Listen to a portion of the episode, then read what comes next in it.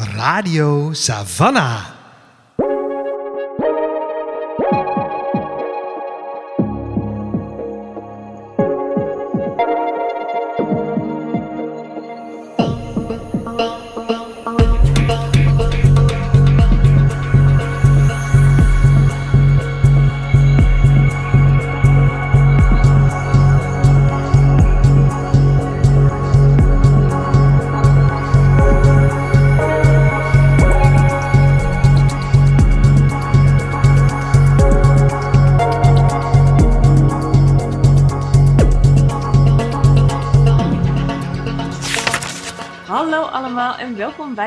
Aflevering van Radio Savannah, de podcast van Boekhandel Savannah W. Ik ben Suzanne En ik ben Lola. en Boekhandel Savannah W is een onafhankelijke boekhandel in het centrum van Utrecht. Wij zijn gespecialiseerd in feministische literatuur. Voor ons wil dat zoveel zeggen als literatuur op het snijvlak van decolonisatie, gender, queerness en natuur. En in deze podcast eh, zetten wij verhalen en boeken die wij belangrijk vinden in de spotlight. En eh, in deze aflevering praten we je even bij over wat er allemaal in de winkel gebeurt. Mhm. Eh, daar zitten allerlei boekentips bij. We bespreken de boeken van de maand. Eh, we vertellen je waar je allemaal heen kan. Want dat Mhm. kan weer. Eh, in deze... Is dit onze eerste editie? Ja, zeker. onze allereerste editie van ons, ons segmentje, onze aflevering, soort, tussen de planken. Oh, wat hebben we altijd een plezier met de titeltjes verzinnen. We zijn heel blij met onszelf. I know. Suus, wat gebeurt er allemaal in de winkel? Nou, er gebeurt lekker veel weer in de winkel. Ehm, en dat komt voor een heel groot deel ook omdat we heel veel nieuwe collega's hebben. Oh. Eh, en dat is allemaal een beetje eh, sneaky gebeurd tijdens corona natuurlijk. Toen, toen zag je elkaar eigenlijk helemaal niet, behalve als je zeg maar samen in dienst draaide of je wisselde van dienst of je had toevallig een opdracht die je even samen deed. Maar voor de rest, we hebben geen borrels gedaan, we hebben, we hebben geen, geen, geen ehm, presentaties gehad in de winkel, we hebben heel weinig social events gehad. Dus er zijn heel veel mensen, die heb ik ook in de groepschat zeg maar alleen maar met hun nummer staan, niet eens met hun naam, omdat ik eigenlijk gewoon niet zo goed weet wie het zijn. En die leer je nu allemaal steeds meer kennen. En dat is super leuk. En eh, die hebben ook allemaal projectjes opgezet ondertussen, waar ik bijvoorbeeld geen week van weet van had. En dat begint nu allemaal echt weer lekker een beetje te connecten en in gesprek te raken. En dat geeft een hele leuke vibe in de winkel. Echt even lekker nieuwe energie, allemaal plannetjes, allemaal mensen met mooie ideeën en verhalen. We gaan onze wekelijkse vrijdagmiddagborrel weer invoeren. We gaan lekker weer kletsen met z'n allen, boekentips uitwisselen en mooie plannetjes opzetten. Dat is eh, super lekker. En ik denk, ja, het is lastig te zien. Wij merken het achter de kassa dus heel erg. Maar ik denk dat je dat, zeg maar, aan de andere kant van de kassa als klant ook wel meekrijgt. Wat meer een community ook in de winkel. Ja, inderdaad. En ook echt gewoon heel erg eh, aan het hunkeren is om al die eh, ja, relaties weer een beetje op te laten bloeien. Ja, Ja, lekker. heerlijk dat het allemaal eh, weer kan. Een van de leuke dingen die nu dus ook weer op wordt gepakt, is dat er een nieuw Cuticle team is. Dus Cuticle is Queering the City of Literature. En dat is het project waar ja, Lola en ik allebei echt verknocht aan zijn. En heel lang een deel van het kernteam hebben uitgemaakt. Dit jaar nemen we een beetje een stapje terug. En dan is het altijd een beetje spannend van oké, wie gaat hem oppakken? Maar er is een superleuk nieuw team opgestaan. Die hebben allemaal plannen. Ik heb alle flip-overs al bekeken. Met allemaal muurschilderingen en films. Ik zie allemaal gave dingen. Dus ik ben heel benieuwd wat daar gaat gebeuren. En dat is ook een van die leuke dingen die nu wel opeens weer nieuwe energie krijgen. Ja, die weer een beetje gaan bruisen allemaal. Ja, superleuk. Ja, dat de wereld nu weer wat meer open gaat, betekent ook dat ze van het B weer wat meer op pad kan. Mhm. Eh, Pre-corona waren wij altijd wekelijks op meerdere plekken in de stad te vinden met een eh, soort van pop-up boekenwinkeltje, een stand. En eh, de eerste zijn weer geweest. Mhm. Very exciting. Op 5 februari werd de bundel van Joep van Helden gepresenteerd, genaamd Jerry Can, in Theater Kikker. En dat eh, had nou, de eer een van onze allereerste stands op locatie weer te zijn. Dus Hm. als vanouds gingen er weer vrijwilligers met een steekkarretje en eh, een stapeltje boeken naar Theater Kikker. Gelukkig om de hoek. Dus dat was nog een, eh, een wat zachtere landing misschien dan als we meteen enorm de hoort op hadden gemoeten. Maar het is heel leuk. Je merkt het ook. Ik zit in de stand vrijwilligers appgroep. En er komen allemaal weer leuke dingen langs waar we heen kunnen. Ja. We zullen jullie wel zo meteen wat meer vertellen over wat er allemaal aan, eh, op de agenda staat. Maar eh, het geeft een, een, een fijne energie. Jazeker, ja. Weer elkaar ontmoet, het land in. Ja. Met het boek aan de leur.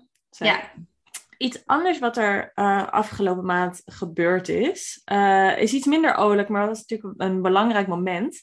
Op 17 februari namelijk is uiteindelijk het rapport gepresenteerd Onafhankelijkheid, dekolonisatie, geweld en oorlog in Indonesië tussen 1945 en 1950. Ehm, dat was een rapport eh, van een onderzoek uitgevoerd door het Koninklijk Instituut voor Taalland en Volkkunde, het Nederlands Instituut voor Militaire Historie en het NIOD Instituut voor Oorlogs, Holocaust en Genocide Studies. Ehm, en het is een, eh, een, een heel grootschalig onderzoek geweest dat onder meer kijkt naar het Nederlandse geweld bij de dekolonisatie van Nederlands-Indië. Uh, daar is de hele tijd uh, hard aan gewerkt door een, een, team mensen. En het rapport is dus uiteindelijk ge, gepresenteerd. En dat heeft best wel heel veel stof doen opwaaien. Daar is veel discussie over geweest, veel debat over geweest. Dat is natuurlijk iets van grote historische belang, maar heeft ook een emotionele waarde voor heel veel mensen. Um, en um, er zijn dus veel uh, gesprekken over gevoerd, ook in de winkel, ook rond de winkel. Het is een thema wat ons als Savannah B natuurlijk uh, naligt. Uh, als een kleine bescheiden handreiking delen wij dan ook een, uh, een leeslijst met uh, publicaties die bij dit onderzoek horen, maar ook andere interessante boeken over dit onderwerp die vergelijkbare of gerelateerde thema's aan de kaart stellen. Dus als je het gesprek hebt gehoord, als je meer wilt weten, als je misschien op zoek bent naar uh, nog meer perspectieven of misschien meer persoonlijke verhalen of familiegeschiedenissen die hierop ingaan. Het zijn allemaal titels die je terug kan vinden op de leeslijst. We zullen het in de show notes zetten, maar je vindt hem ook in onze webshop. Hebben we een speciaal kopje met leeslijsten voor specifieke gebeurtenissen, uh, waaronder dus ook eentje um, naar aanleiding van de presentatie van dit rapport. Dus uh, zeer aan te raden om daar, uh, daarin te duiken. Zorg natuurlijk een beetje goed voor jezelf. Kijk waar je wel het niet uh, aan kan en welke kennis je even toe wilt laten. Um, maar zeker belangrijk voor ja, iedereen, denk ik, om hier kennis van te hebben en om hierin te, te verdiepen. En dit is denk ik een heel mooi moment om dat te doen. Dus vanuit onze kant een kleine handreiking om je daar wat ondersteuning bij te bieden. En nou, speaking of geschiedenis. Mm -hmm. um, eerder deze maand, eerder in februari, is de campagne Geef een boek cadeau 2022 begonnen. Dat is een jaarlijks terugkerend ding, feest eigenlijk, uh, waarbij uh, een, een bekend jeugdboek dat iedereen gelezen zou moeten hebben voor 3 euro te koop is. 2,99 euro te koop is bij je lokale boekwinkel en dus ook bij Savannah B. En het boek van dit jaar is Het Achterhuis van Anne Frank. Iedereen denk ik uh, wel bekend. Uh, je kan het boek dus kopen voor iemand die je kent en, uh, en, en iemand van welke leeftijd dan ook uh, in, je, in je omgeving. Je kan het ook bij een vreemde door de bus doen, als je dat leuk vindt. Oh. Of voor 3 euro kopen en in zo'n boekenweggeefbibliotheekje zetten. Kan allemaal. Mm -hmm. Wat ook kan, is dat je een exemplaar koopt en dat dan doneert aan een door ons uitgekozen instelling. Dat is dit jaar de Sint Maartenschool in uh, Utrecht. Dus iedereen die zegt, nou, ik vind het belangrijk dat alle kinderen dit boek lezen, die uh, kunnen dan dus voor 3 euro een boek doneren. En aan het einde van de campagne brengen wij die allemaal naar de Sint Maartenschool. Mm-hmm. Het is dit jaar in 2022 75 jaar geleden dat het Achterhuis voor het eerst verscheen. Het werd uitgegeven in 1947. En het blijft natuurlijk een van de meest invloedrijke, belangrijke, veelgelezen jeugdboeken. Uh, dus het is heel mooi dat deze actie nu uh, ervoor zorgt dat meer kinderen het in handen krijgen. En als je het zelf nog niet gelezen hebt, kan je het nu dus voor een prikje kopen. Mm -hmm. Ook winst. Ja, ik, uh, ik, ik heb er nu ook zelf eentje weer thuis staan. Ik, ik dacht, oh, daar heb ik nog wel, maar ik blijk, blijkt helemaal niet in huis te hebben. Nee? Uh, wat ik als uh, docent jeugdliteratuur misschien niet op de radio moet zeggen, maar uh, het was wel even een mooi moment om even het toch aan te schaffen. Het is toch wel mooi om dat in je, in je huis te hebben. En het is ja. een heel goed idee om het beschikbaar te maken voor eigenlijk alle kinderen van deze. Ja, ja. Mooie keuze. Dus ik merk het ook heel erg, misschien weten mensen dit, ik werk ook bij de bibliotheek. En daar merk je nu dus heel erg ook door deze actie dat er heel veel uh, sowieso weer meer vraag is naar het achterhuis voor mensen ah. met, met, een lidmaatschap, maar ook boeken over de Tweede Wereldoorlog, spreekbeurten en dat soort dingen. Dus het zet, dat is natuurlijk altijd wel, maar ik zie wel een correlatie tussen deze actie en uh, de hoeveelheid vragen die we daarover krijgen. Dus dat is ook een heel mooi bijeffect van dit, uh, van zo'n soort actie. Ja, en wa- wat ik denk ook mooi vind aan dit boek is dat soms vergeten mensen volgens mij dat dit een kinderboek is.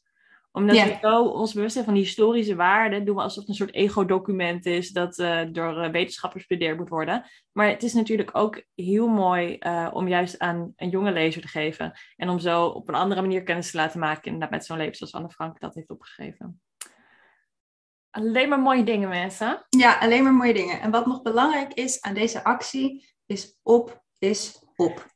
Klopt. Dus we hebben geen oneindige voorraad van het achterhuis in deze uitgave en in het kader van deze campagne. Dus als je dit vet vindt, als je dit belangrijk vindt, eh, grijp je kans, want het kan zijn dat je de boot mist. Dat zou heel jammer zijn natuurlijk. Yes, dus kom lekker even langs. Eh, na de mooie acties en evenementen die we in februari hebben gehad, eh, staan er nu ook weer een aantal mooie evenementen voor de deur. De eerste is al heel direct, namelijk één dag nadat deze podcast uitkomt, eh, komt niemand minder dan Marieke Lucas Reineveld signeren in Savannah Bay. Ehm Marieke Lucas Reineveld, het zal jullie niet ontgaan zijn, zijn nieuwe dichtbundel is uit. Die bundel heet Komijn Splinters. Is natuurlijk een, eh, een eh, lang, niet lang verwacht, maar eh, hoog verwacht, zeer warm welkom nieuwe publicatie van Marieke Lucas.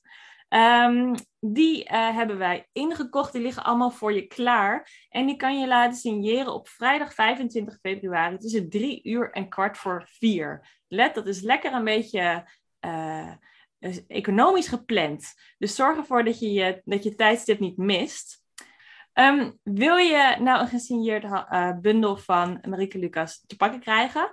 Eh, dan raden wij je aan om deze eerst gewoon even te reserveren in de webshop. Eh, je vindt de link in de show notes en op onze website.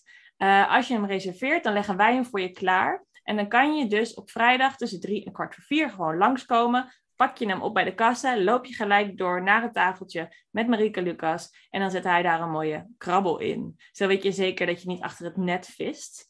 Maar heb je de bundel nu al gekocht? Misschien was je zo enthousiast dat je denkt: ik ga hem gelijk kopen bij Savannah Been, neem hem mee naar huis om te lezen. Dat vinden wij ook prima als je hem gewoon meeneemt naar de winkel ehm, en dan ehm, hem daar ter plekke la- laat signeren. Dat vinden we ook prima. We hebben wel nog een aantal extra bundels ook liggen, die dus nog niet besteld zijn, nog niet geclaimd zijn door een ander. Maar ja, die voorraad is dus natuurlijk wel beperkt. Daar zit een einde aan. Dus als je denkt, ik wil zeker niet achter het net vissen, eh, bestel hem dan vooral in de webshop. Dan eh, weet je zeker dat je met een mooie krabbel weer naar huis loopt. En als je dit dus luistert op de dag dat de podcast uitkomt, op donderdag 24 februari, dan is het dus morgen. Yes, Dus fix het voor jezelf als je het wil. Actie in de taxi. zeker. Eh, ja, we zeiden het net al, de stands komen er weer aan. Savannah B gaat weer de hort op. Eh, en wij dachten, we lichten even een paar interessante dingen. We zijn natuurlijk alleen maar op interessante plekken, maar we hebben even een paar highlights voor jullie gekozen.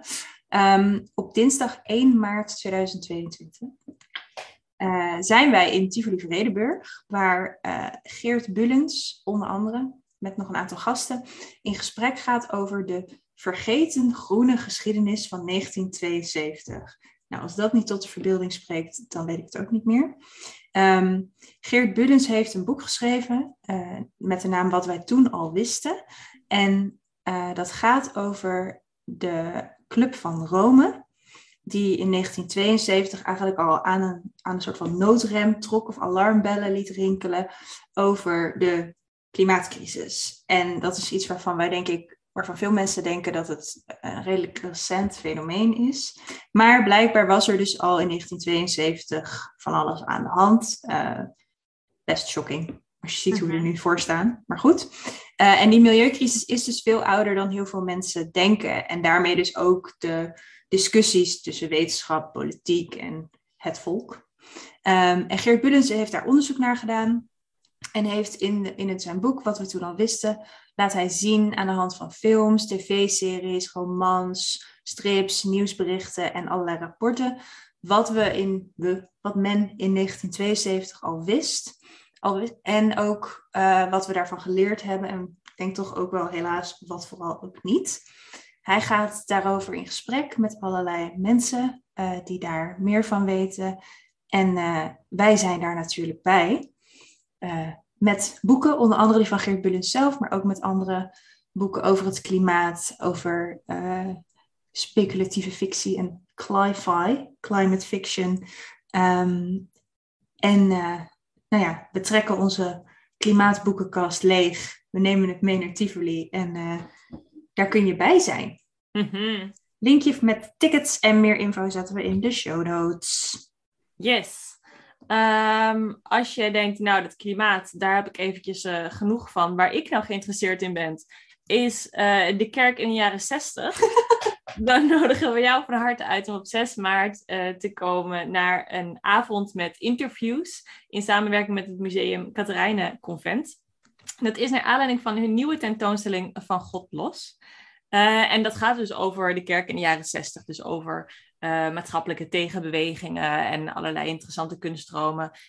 En maatschappelijke kritieken ook die op de kerk ontstonden in die tijd, of ontstonden in ieder geval hardop werden geuit. op 6 maart is er een avond met interviews met Oek de Jong en Freek de Jonge. Um, die worden geïnterviewd door Gina van den Berg. En daar staan wij dus ook met een mooie stand bij. En misschien gelijk een mooie aanleiding om die tentoonstelling eens te gaan bezoeken lekker het museum in te duiken. Yes. Dan is het dinsdag 8 maart Internationale Vrouwendag. Woehoe! Daar wordt natuurlijk van alles en nog wat omheen georganiseerd. Uh, de Women's March komt eraan, et cetera, et cetera. Met z'n van de B zijn we ook op allerlei evenementen uh, erbij. We zetten wat links in de show notes. Maar wat extra leuk is, is dat op dinsdag 8 maart vanaf half eens middags uh, schrijver Tessel ten Zwegen bij ons in de winkel is. Yes. Uh, Tessel ten Zwegen wordt die dinsdag geïnterviewd bij ons. Uh, zij heeft een boek geschreven, Dat zou jij nooit toelaten. Dat gaat over partnergeweld en feminisme. Uh, Tessel vertelt haar verhaal, hoe zij in 2018 ontsnapte aan een gewelddadige partner en, en relatie.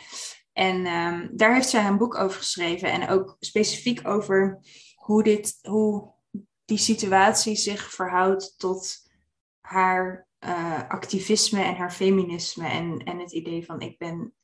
Uh, ik mag, mag niet in deze situatie zijn, want ik ben toch een feminist. Mm. Even heel kort door de bocht. Um, een super belangrijk en uh, ja, interessant heftig ook wel, maar boeiend boek. Waarover Tessel dus komt vertellen op Internationale Vrouwendag en waar je bij kan zijn en waar je het boek kan kopen en waar je het boek kan laten signeren. Je kan het reserveren, het boek, zodat we weten hoeveel we er moeten hebben, zodat Tessel kan gaan signeren. En je kan, je kan je aanmelden. Alle info staat in de show notes. Ja, gaaf. Echt ook weer een mooiste van een B-thema. Het is iets ja. waar ik heel weinig over nadenk. Inderdaad, omdat je denkt, ja, als feminist, ja, overkomt dit je niet. Ja, dat is zo lullig als je het hardop zegt, maar ergens zit dat toch denk ik ingebakken. Uh, dat idee dat je daar zo op alert op bent. En dat het jou dus niet gebeurt, dat is natuurlijk niet hoe dit, ja, hoe dit werkt. Uh, ja, ik uh, ben heel erg... Ehm, Benieuwd. Ja, en, ja, en blij dat het boek er is ook. Ik denk echt dat het een ja, een onderwerp is waar, waar nog veel over gesproken en gedeeld moet worden. Ja, ja zeker. 8 maart in de winkel. Naast al deze mooie momenten in het verleden en de toekomst, uh, blijven wij natuurlijk uh, first and foremost een boekwinkel. En wat wij doen, is wij raden jullie aan welke mooie boeken er allemaal op jullie te wachten liggen. Uh, dat doen wij ook door de boeken van de maand. Iedere maand hebben wij een fictie- en een non-fictieboek van de maand. En in februari hebben we er weer twee mooie voor je uitgekozen. Lola, wat is het fictieboek van de maand februari? Nou, wat een ontzettend leuke vraag. het fictieboek van de maand is De Nachtwaker van Louise Erdrich. Wat in 2021 de Pulitzer Prize voor fictie heeft gewonnen. Dus uh, nou, die kan je vast in je zak steken. Uh, Louise Erdrich is een, uh, voor wie haar niet kent, een gevierd Native American schrijver van allerlei soorten genres en boeken. Dus jeugdboeken, poëzie, uh, romans zoals deze. En ook daarbinnen weer meer sci-fi en meer realistische of historische romans. Uh, ze is ook, fun fact, de eigenaar van een onafhankelijke boekwinkel, Birch Bark, in Minneapolis. Uh, met daarin ook een focus op Native American literatuur. Het gaaf. Hartstikke leuk. Ja. zijn wel, we houden wel van onafhankelijke boekhandels. Dus, en nu is er dus De Nachtwaker. Ja, dat is een boek dat gebaseerd is op het leven van Louise Erdrich's grootvader. Um, en het speelt zich af in de jaren 50. Haar grootvader is het hoofd van de Chippewa-stam. Sorry als ik dat verkeerd uitspreek. Um, en die eigenlijk moet dealen met een um, veranderende wetgeving of een, dreigende verandering in uh, de wetten. In 1953 wordt er een wetsvoorstel ingediend uh, om alle uh, Native American stammen te, dit is dus aanhalingstekens, termineren, waarmee ze hun oude rechten afschaffen en waardoor dus de overheid veel meer, uh, of nog veel meer, hun vrijheden kan inperken en kan zeggen waar ze moeten gaan en staan. Um, de bedoeling is dan dat ze naar de steden verhuizen, omdat daar meer werk is. En dan gaan dus subsidies en een soort van financiële en praktische steun, wat al heel weinig was, uh, worden dan helemaal gestopt. En daar uh, is die grootvader van, uh, van Louise Erdrich, Thomas heet hij in het boek, niet zo heel blij mee. En eigenlijk is een van de lijnen die je dus volgt, is wat hij doet om dat tegen te gaan en hoe hij daartegen in verzet gaat. Een tweede lijn is dat van Patrice, dat is Thomas' nichtje. En die gaat op zoek naar haar uh, zus, die verdwenen is in Minneapolis. En eigenlijk krijg je in dit boek dus door een soort van mix van ja, maatschappijkritiek en geschiedschrijving en een focus echt op deze personages en hun alledaagse levens, krijg je een heel mooi beeld van deze periode in de geschiedenis. En van, het was niet iets waar ik heel veel over wist. Um, ook. Dus het is een heel, uh, ja, rijk, maar ook vooral wel echt belangrijk boek. Dat heel goed balanceert tussen super mooie literaire stijl en uh, ja, wel echt een punt maken en, en, en een soort de onrechtvaardigheid van hoe uh, Native Americans uh, behandeld werden en nog steeds worden door de Amerikaanse overheid highlight. En dus wat meer historiseert ook. Ja. Dus heel interessant. En zeker ook als je er niet zo heel veel van af weet of het werk van Louise Erdrich niet kent, dan is dit een heel mooi punt om in te stappen. Mm -hmm. Ja, en uh, wat mooi van dit soort schrijvers is, als je die pas later ontdekt en je vindt het mooi, dan kan je heel ver teruglezen. Want yeah. er zijn al heel veel boeken op de plank staan. Ja, yeah, ja. Yeah. Dus uh, get it. Dan uh, is ons non-fictieboek van de maand ook wel echt een klapper. Namelijk Het recht op seks, feminisme in de 21ste eeuw van Amia Srinivasan. Srinivasan was een auteur waar ik nog niet van gehoord had. En dat bleek te kloppen, want dit is haar debuut essaybundel. Uh, zij is echter wel uh, hoogleraar sociale en politieke theorie aan Oxford. Dus ze heeft al wel uh, aardig wat boeken op de plank staan. Maar niet zozeer boeken die je naast je nachtkastje legt. Dit is dus haar eerste soort van pu publiekswerk wat zij schrijft. Um, en ze maakt er een hele mooie vertaling van uh, ja, echt oerfeministische theorieën en verhandelingen. Uh, gecombineerd met een 21ste eeuws perspectief, maar dus wel geschreven voor een breder publiek. Uh, van iedereen die eigenlijk geïnteresseerd is in feminisme en met name seks en vrouwelijkheid en, en gender. Um, dus Srini Fasan schreef een, een essaybundel uh, waarin zij ingaat op de centrale rol die seks, dus seks ook als, als handeling, heeft gekregen uh, in de manier waarop we over feminisme praten. Er wordt natuurlijk veel gezegd, oh, feminisme is nu hot en feminisme is nu happening en iedereen uh, die heeft daar leuke t-shirts van aan en die heeft het op zijn op Twitter-handle staan. Maar, zegt Trini Vazan, dat is vaak uh, een vrij uh, beknopte versie van wat feminisme is of kan zijn. En heel vaak wordt het opgehangen aan bijvoorbeeld uh, de MeToo-beweging. En daardoor wordt dus heel erg feminisme gekoppeld aan seksueel misbruik, seksueel geweld. En daaraan gekoppeld dan weer een wens om seks en seksualiteit te bevrijden van dat geweld. En dat is natuurlijk hartstikke interessant. Maar het neemt het geeft ook een beperkt beeld van wat feminisme is en kan zijn. Dus Srini Fazan nodigt ons uit om daar veel um, fundamenteler over na te denken. Dat feminisme niet alleen uh, gaat over seks en seksueel geweld, maar ook over politiek en socialisme en het klimaat en al die zaken die daarachter liggen. Dat is op zich al een interessante uh, oproep. Uh, maar ze gaat er eigenlijk nog verder in. Zij, gaat, zij bespreekt namelijk ook uh, ze, grijpt in op dat kernthema van seks, waar we het niet zoveel over hebben. En laat zien dat de manier waarop we nu over seks praten eigenlijk uh, heel erg losgekoppeld is van die grote structuren. Waardoor we dus veel minder makkelijk tegenwoordig kunnen praten over seks als een politieke daad. Wat we natuurlijk heel lang wel gedaan hebben. Als we terugdenken naar de, de tweede feministische golf en uh, de private is the public en de public is the private. Die, die uh, ankering zeg maar, van het feminisme die toen zo, uh, zo breed verdeeld werd, hebben we eigenlijk een beetje losgelaten. Um, en wat Srinivas ons als uitnodigt is om weer na te denken over hoe dat politieke nog steeds in ons eigen privé seksleven ook ingebakken zit.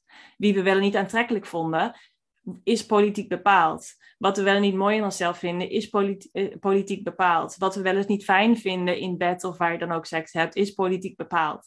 Uh, pornografie is politiek bepaald.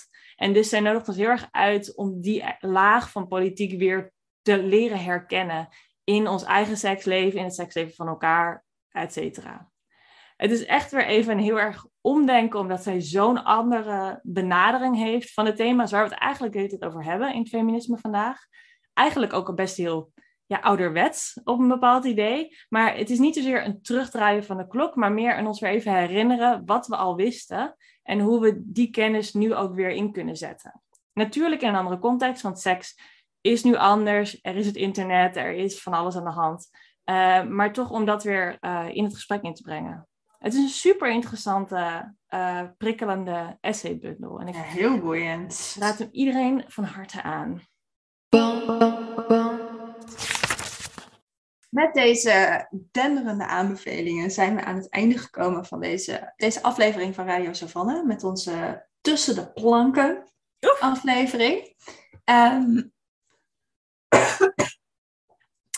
Maar vind je het leuk om met ons mee te kletsen over boeken die je aan wil bevelen, over de podcast, over de winkel, over alle plekken waar je ons hebt gezien in het wild, nu dat weer kan?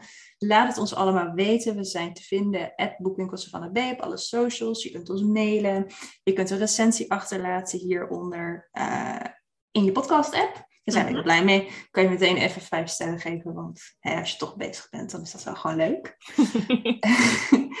Wij uh, bedanken zoals altijd Gooflux voor het maken van onze intro en outro muziek en voor onze uh, bumpertjes. En Blom voor het maken van ons logo. Wij bedanken jullie voor het luisteren. Yes. En uh, wij zijn volgende week weer bij jullie terug met een nou, geweldige aflevering. Uiteraard. Tot dan. Dag. Dag.